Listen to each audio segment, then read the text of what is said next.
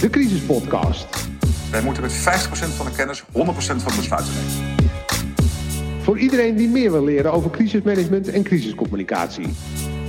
Met Tom Kompaaien. Goede crisiscommunicatie begint met monitoring, ofwel de omgevingsanalyse. Het leek me dus heel goed om bij een serie podcasts over crisiscommunicatie en crisismanagement ook snel van start te gaan met de omgevingsanalyses. En daarom hebben we omgevingsanalist Sky van Gooswilgen vandaag hier.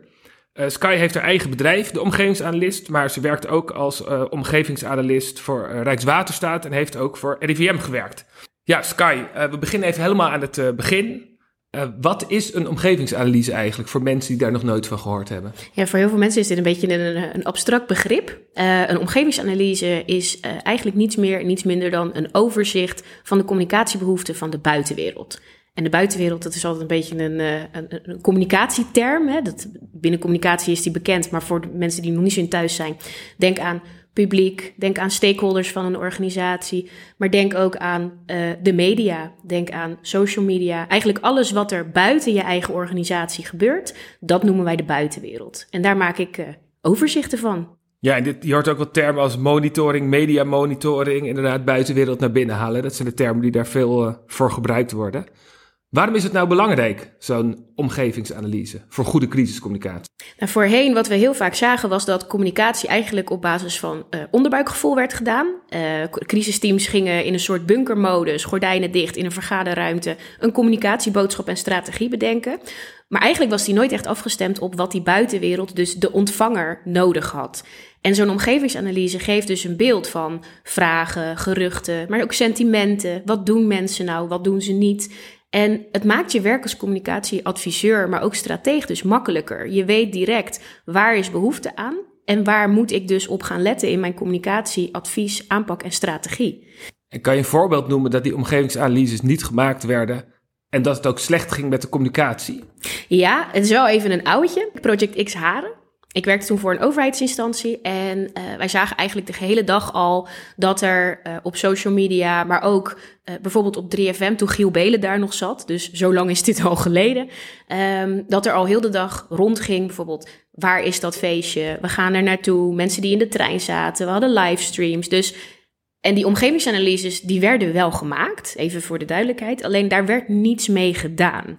En we weten allemaal hoe Project X geëindigd is. En heb je dan ook voorbeelden dat zo'n analyse wel goed gemaakt werd, ook goed gebruikt wordt in een crisisteam en dat je ook echt zag, hey, daardoor worden de goede besluiten genomen? Ja, ik zie dat bij mijn huidige opdrachtgever, bij Rijkswaterstaat. Daar um, hadden we een aantal maanden geleden kregen we te maken met uh, onwijze sneeuwval. En als Rijkswaterstaat ben je verantwoordelijk voor onder andere de wegen, de Rijkswegen. En um, er waren heel veel vragen wat er uh, nou wel en wat er nou niet mocht. Maar ook met een doorkijk naar de week erna. Goh, kunnen we veilig de weg op? Wordt er ge, uh, gestrooid? Um, en doordat wij een beeld hebben gemaakt van wat er in die media onder stakeholders en onder publiek speelde. Dus welke vragen er uh, rondgingen, maar ook welke geruchten en sentimenten er leefden. Konden ze dus die communicatiestrategie en die aanpak daarop afstemmen.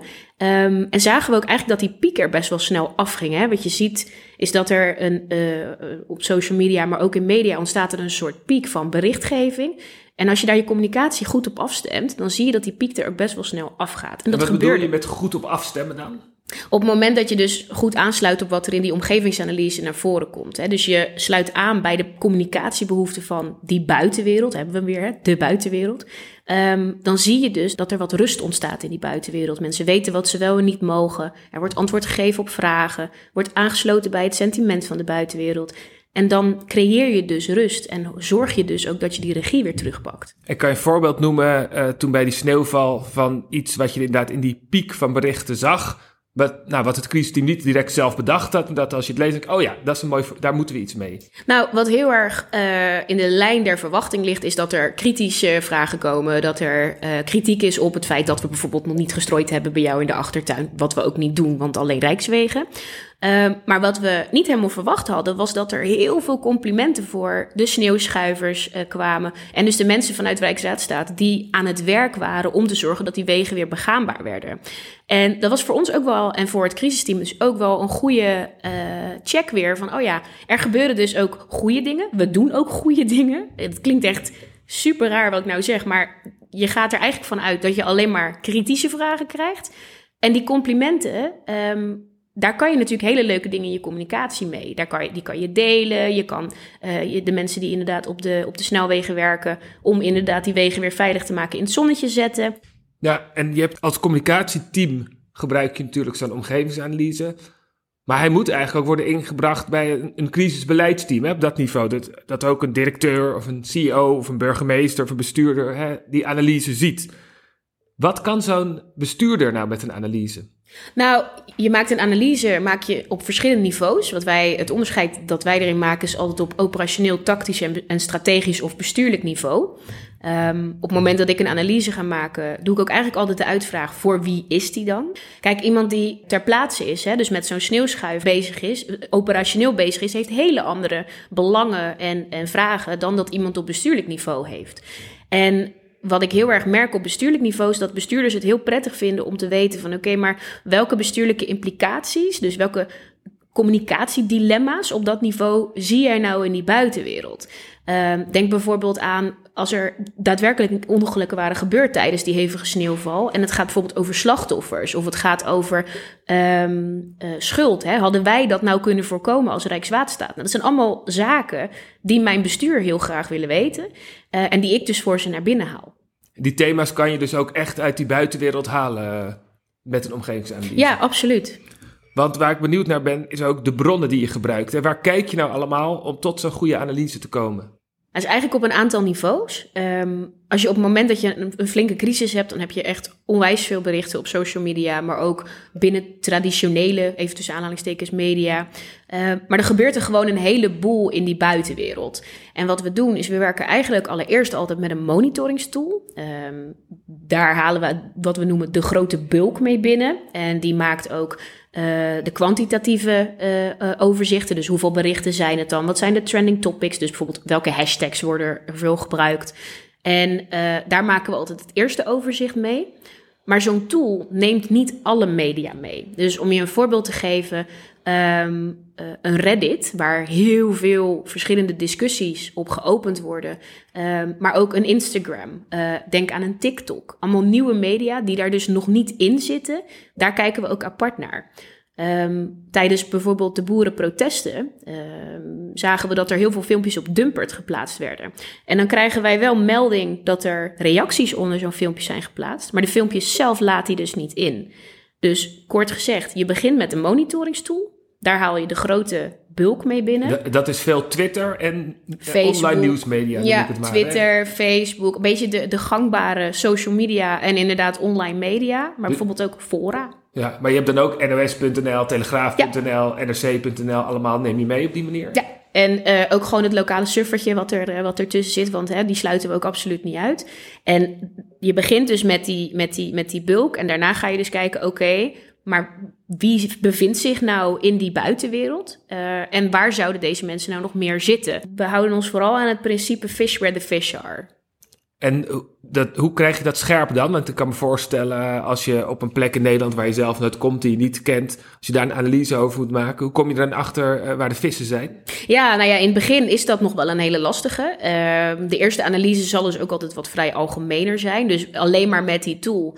En gaandeweg, um, ook door gebruik te maken van offline bronnen. Dus bijvoorbeeld mensen in de buurt, um, collega's die daar in de buurt bezig zijn, maar ook we horen altijd gaandeweg, uh, horen we wel van, goh, hè, we zien daar een draadje ontstaan of we zien hier een discussie. We hebben wel collega's die zeggen, oh, heb je dat al gezien? Um, maar bijvoorbeeld WhatsApp-groepen, ja, daar zitten wij niet in. Dus dan is het dus heel erg belangrijk om te kijken, goh, hoe halen we die informatie nou wel binnen?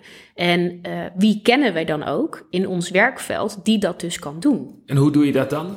Nou ja, um, we hebben bijvoorbeeld met de, um, uh, als je het over een project hebt, daar zitten ook vaak omgevingsmanagers bij. Dus op het moment dat jij uh, lokale kennis nodig hebt, kan je altijd zo'n omgevingsmanager contacteren en aangeven, goh, hè, wat heb jij gehoord in die buitenwereld? Dus het is echt niet alleen maar social media, maar het is ook daadwerkelijk offline bronnen, dat, vaak in personen, die we ook raadplegen. Dus gebruik, jouw tip is eigenlijk, gebruik ook echt je fysieke netwerken, mensen die je kent in ja. de organisatie, Uh, desnoods uh, iemand uh, die de koffie bezorgt, maar toevallig wel in een WhatsApp-groep zit Ja. met, waar veel speelt. Dat haal je allemaal binnen. Ja, zeker. En dat is ook wel een van de adviezen die ik ook altijd geef aan mensen in het communicatievak. Zorg ook inderdaad gewoon dat je je netwerk op orde hebt. Wat ik nou veel hoor bij corona is dat mensen zeggen: ja, hoe weet ik nou wat er echt in de stad leeft? Hoe weet ik wat er echt in de regio leeft? Dus we hebben die analyse, daarbij kijken we naar Twitter en naar nieuwsmedia. Maar ik hoor toch wel veel uh, opdrachtgevers zeggen ook: ik heb het gevoel dat ik toch nog niet goed genoeg beeld heb wat er nou echt leeft. Heb jij daar nog tips voor? Nou ja, dat is dus het hele principe waar we het net over hadden. Hè? Het online en offline met elkaar combineren. En een van de dingen die ik wel al gelijk wil meegeven, je krijgt nooit 100% beeld. Moet je ook niet willen, hè? Dat, dat, dat gaat niet lukken. Um, maar daardoor, op het moment dat je zegt, ik wil weten wat er echt speelt in de stad, moet je je allereerst, zeker met corona, bedenken dat er ontzettend veel versnippering in de maatschappij is. Dus we hebben niet één kant op. We hebben niet maar één mening. We hebben um, uh, zoveel verschillende meningen. En op zulke momenten kan je dus die online bronnen als basis gebruiken. Maar die offline bronnen, hè, denk aan wijkmanagers, wijkagenten, uh, de lokale horeca, je eigen netwerk dus. En of je nou een gemeente, een veiligheidsregio of een ondernemer bent, leg je oor ook gewoon fysiek daadwerkelijk te luisteren. En wat ik ook altijd nog wel ingewikkeld vind, goede crisiscommunicatie richt zich natuurlijk op de meest getroffenen. De echte, nou, de slachtoffers, de ernstige gewonden bij wijze van spreken, de familie daarvan. Maar die vind je niet zo makkelijk op online bronnen. Hoe zorg je nou dat je echt weet welke vragen de meest getroffenen hebben?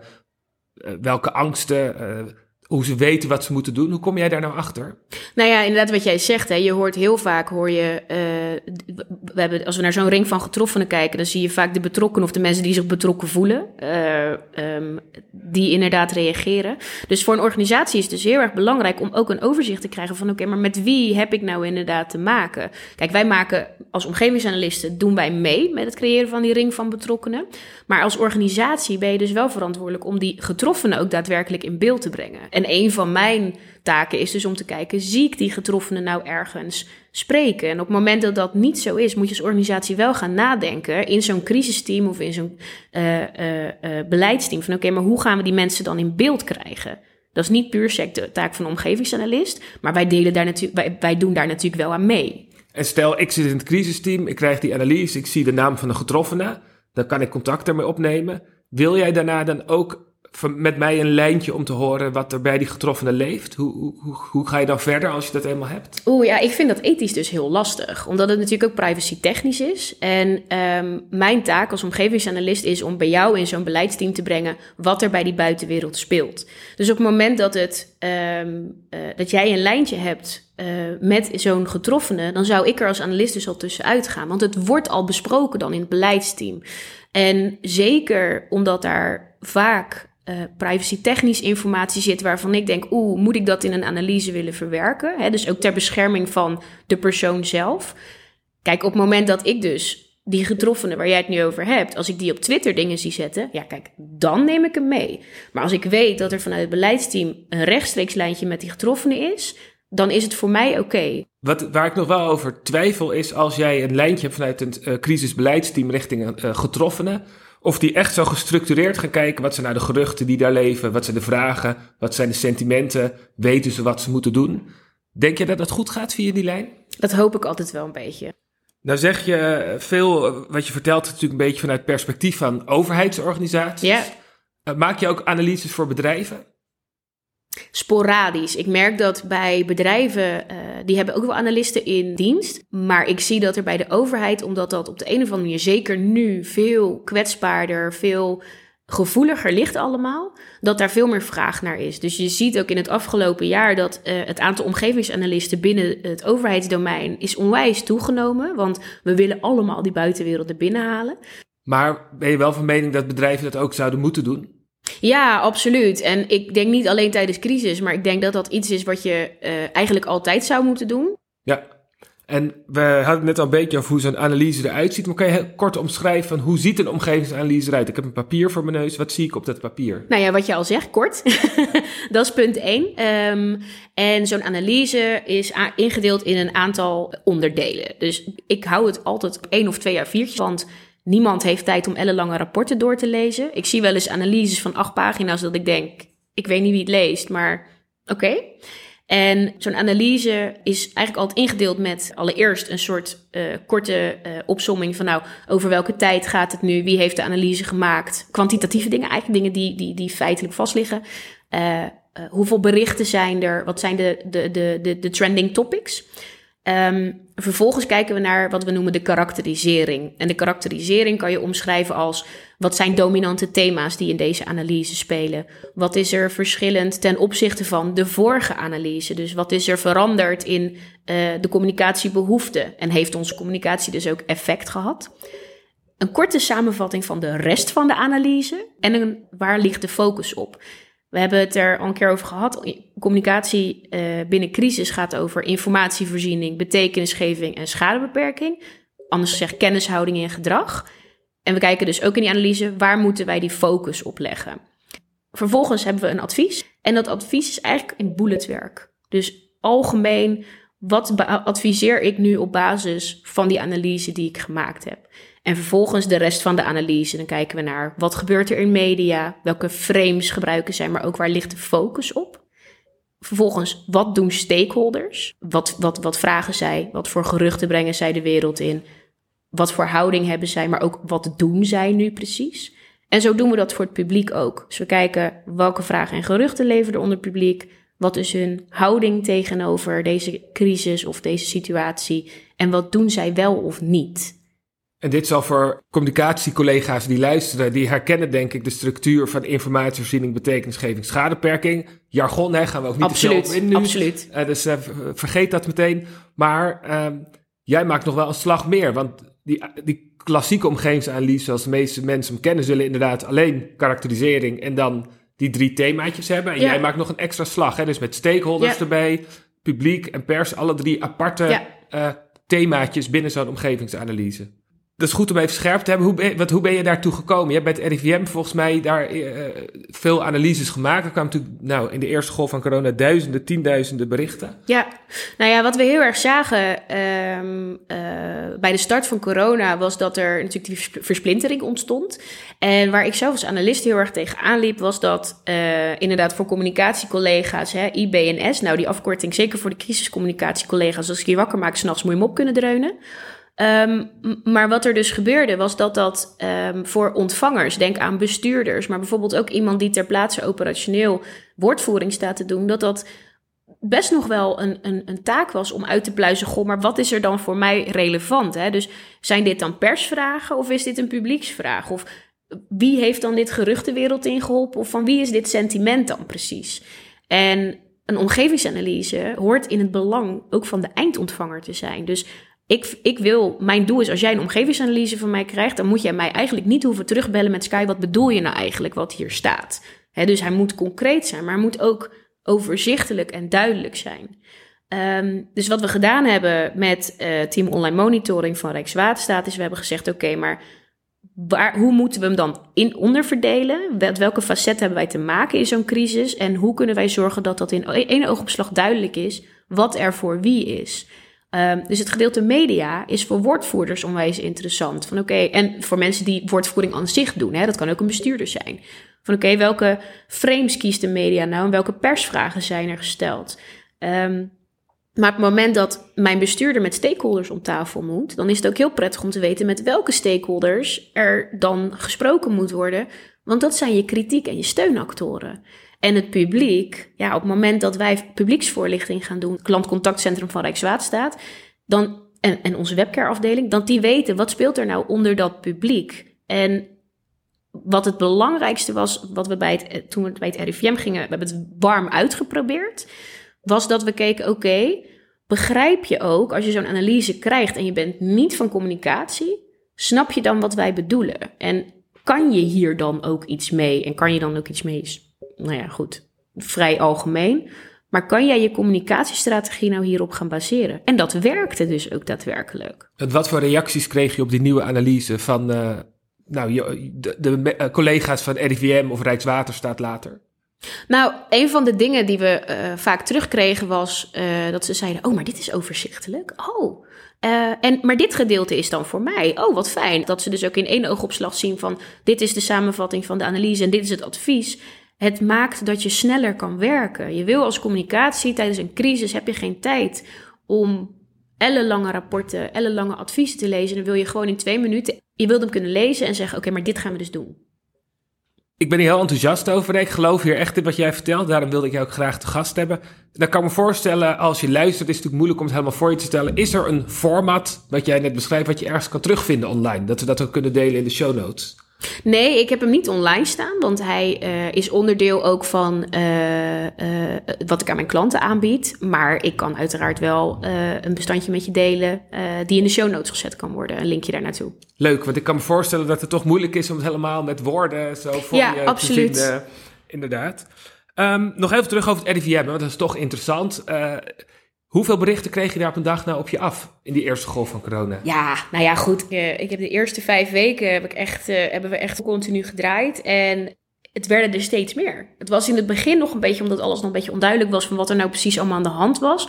Maar ik weet dat er dagen zijn dat er nou, tienduizenden berichten langskwamen. En hoe breng je daar nog structuur in aan dan als omgevingsanalist? ja, dat is wel voor gevorderd hoor. Nee, wij hebben daar ook echt wel, uh, ook echt wel een flinke kluif aan gehad. Maar dat, je hebt natuurlijk die, die monitoringstoel die je gebruikt.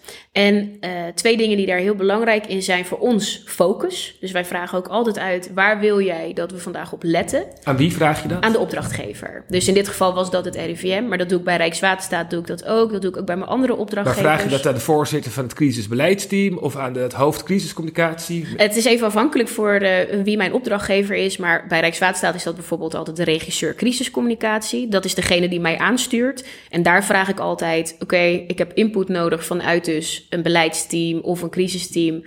Waar willen jullie antwoord op hebben? Dus welke vragen hebben jullie aan mij die ik in de analyse naar voren moet brengen? Dus wat is mijn focus? Het zou heel concreet bij RIVM bijvoorbeeld kunnen zijn. Vandaag willen we weten over de mondkapjes op de Albert Kuipmarkt in Amsterdam. Ja, nou ja, vooral, het, zijn, het is vaak themagericht. Dus we willen vaak bijvoorbeeld weten, wat wordt er over mondkapjes gezegd? hoe, sta, hoe staan mensen daar tegenover?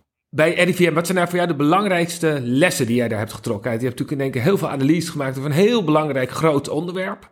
Wat heb jij daarvan geleerd?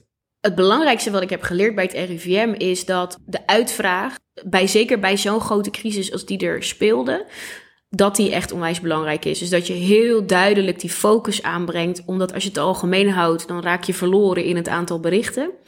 En vooral ook, voor wie maak ik die analyse nou? En um, is die concreet genoeg? Het, snapt de eindontvanger hem? En ook, ik, wij, wij hebben het echt onderschat. Hoeveel berichten er op je afkomen op zo'n dag en hoeveel dat mentaal van je vergt. Dus aflossen, dat, dat, dat was ook een van de dingen waar, waar ik als eenpitter nog niet helemaal over nagedacht had. Um, dus ik hoop ook dat, zeker met dit soort gesprekken, dat er ook meer mensen zijn die zeggen: Oh, maar omgevingsanalyse lijkt me super tof om te gaan doen. Eigenlijk een oproep voor jou om meer mensen zich melden ja, als omgevingsanalist. Ja, We hebben absoluut. er meer nodig in Nederland. Ja, ja, ja, ja. ja, want ik heb ook altijd geleerd dat uh, als je een crisiscommunicatieteam hebt, dat de eerste die je moet aflossen is de omgevingsanalist geloof dat ze zelf zeggen, na vier uur moet je een omgevingsanalist aflossen. Want die zit zo lang alleen maar naar duizenden berichten te kijken. Dat hou je gewoon niet uh, een hele dag vol. Ja, en zeker als je een beginnende omgevingsanalist bent, zou ik er zelfs nog voor pleiten om het met z'n tweeën te doen. Om, een schadu om schaduw te draaien, zoals ze dat dan uh, in jargon noemen. Dus met z'n tweeën, eentje kijkt mee en de ander die maakt de analyses. Um, ik merk zelf, en ik doe dit nu bijna tien jaar, ik merk dat zes uur echt max is. Want dan ben je gewoon tureluurs, dan zie je sterretjes en dan moet je gewoon even eraf, zoals we dat dan zeggen. Dus ja, um, je staat gewoon continu aan tijdens die periode. Je bent continu bezig met data bekijken, data analyseren en data verwerken. En je moet scherp zijn. Dus vier ja, uur is bij mij ook wel de standaard. En als er nu organisaties zijn die luisteren en denken: wij maken nog geen omgevingsanalyse maar volgens mij willen we dit gaan doen. Wat is dan jouw belangrijkste tip aan deze organisaties? Nou ja, allereerst beginnen. um, al is het alleen maar dat je dagelijks op Twitter even op je bedrijfsnaam zoekt. Of op de naam van je bestuurder. Of um, dat je uh, uh, het nieuws gaat scannen. Goh, worden wij nog ergens genoemd? En dan niet alleen in bericht, maar ook in bijvoorbeeld de reacties op nu.nl. En op het moment dat je uh, een crisis hebt, ga, hoe basic het ook is, leg je oor online en offline gewoon eens te luisteren. Wat zegt die buitenwereld nou? En um, Ik weet dat uh, organisaties die ik ken, die dan zeggen: Goh, hoe moeten we dan beginnen? Begin gewoon met een dagelijks overzicht. Wat, wat, wat kan ik nou op social media vinden? Een Google News Alert. Uh, het zijn allemaal hele makkelijke middelen. Je hoeft niet direct met een monitoringstool te gaan werken. Uiteindelijk adviseer ik het altijd wel, omdat het te automatiseren is. Maar al voer jij je bedrijfsnaam even op Google News Alert in of op Twitter, daar heb je al een begin uh, met het maken van omgevingsanalyse. Ja, en jij zegt dus ook begin ook als er geen crisis is. Ja, absoluut. Ja, zeker. En dat is vooral omdat je um, uh, dingen aan kan zien komen. En dan heb ik het niet alleen maar over dingen die uh, gezegd worden over jouw bedrijf, organisatie of persoon. Maar dat kan ook zijn thema's die jou bezighouden. Dus op het moment dat jij bijvoorbeeld heel erg bezig bent met het thema, nou ja, ik zeg iets, stikstof, met het thema duurzaamheid. En daar in dat veld uh, vinden bepaalde gesprekken plaats waarvan jij denkt, oeh, maar dat kan dus invloed op mijn organisatie hebben. Dan kan je daar dus al proactief actie op ondernemen. Of in ieder geval de bewustwording creëren binnen de organisatie. Want stel nou dat er over duurzaamheid wat, wat discussie en wat, wat, wat, wat reuring is. En jij denkt net, goh, laten we lekker een bericht naar buiten gooien over duurzaamheid. En jij hebt precies dat onderwerp wat een beetje pijn doet te pakken. Dan kan je dus een crisis creëren zelf. En als je dat dus van tevoren weet, dan kan je daarop anticiperen. Heel mooi. Heel erg bedankt uh, Sky voor het delen van al jouw tips en ervaringen op het gebied van de omgevingsanalyse. Ik hoop ook dat mensen jouw een nieuwe format gaan overnemen en dat dat uh, straks uh, algemeen goed wordt in crisiscommunicatie en crisismanagement land. Volgende week te gast Ferry Zandvliet. Ferry overleefde de aanslag op de Bataclan in Parijs. Hij vertelt wat er nou op je afkomt als getroffene en hoe organisaties daarmee om kunnen gaan en ook vooral hoe de media getroffenen benadert. De Crisis Podcast is terug te luisteren op alle bekende podcastplayers, waaronder Spotify en Apple Podcasts. Volg of abonneer je op het kanaal van De Crisis Podcast op jouw favoriete player om direct te zien als de volgende aflevering erop staat. Voor nu heel erg bedankt voor het luisteren en tot de volgende keer.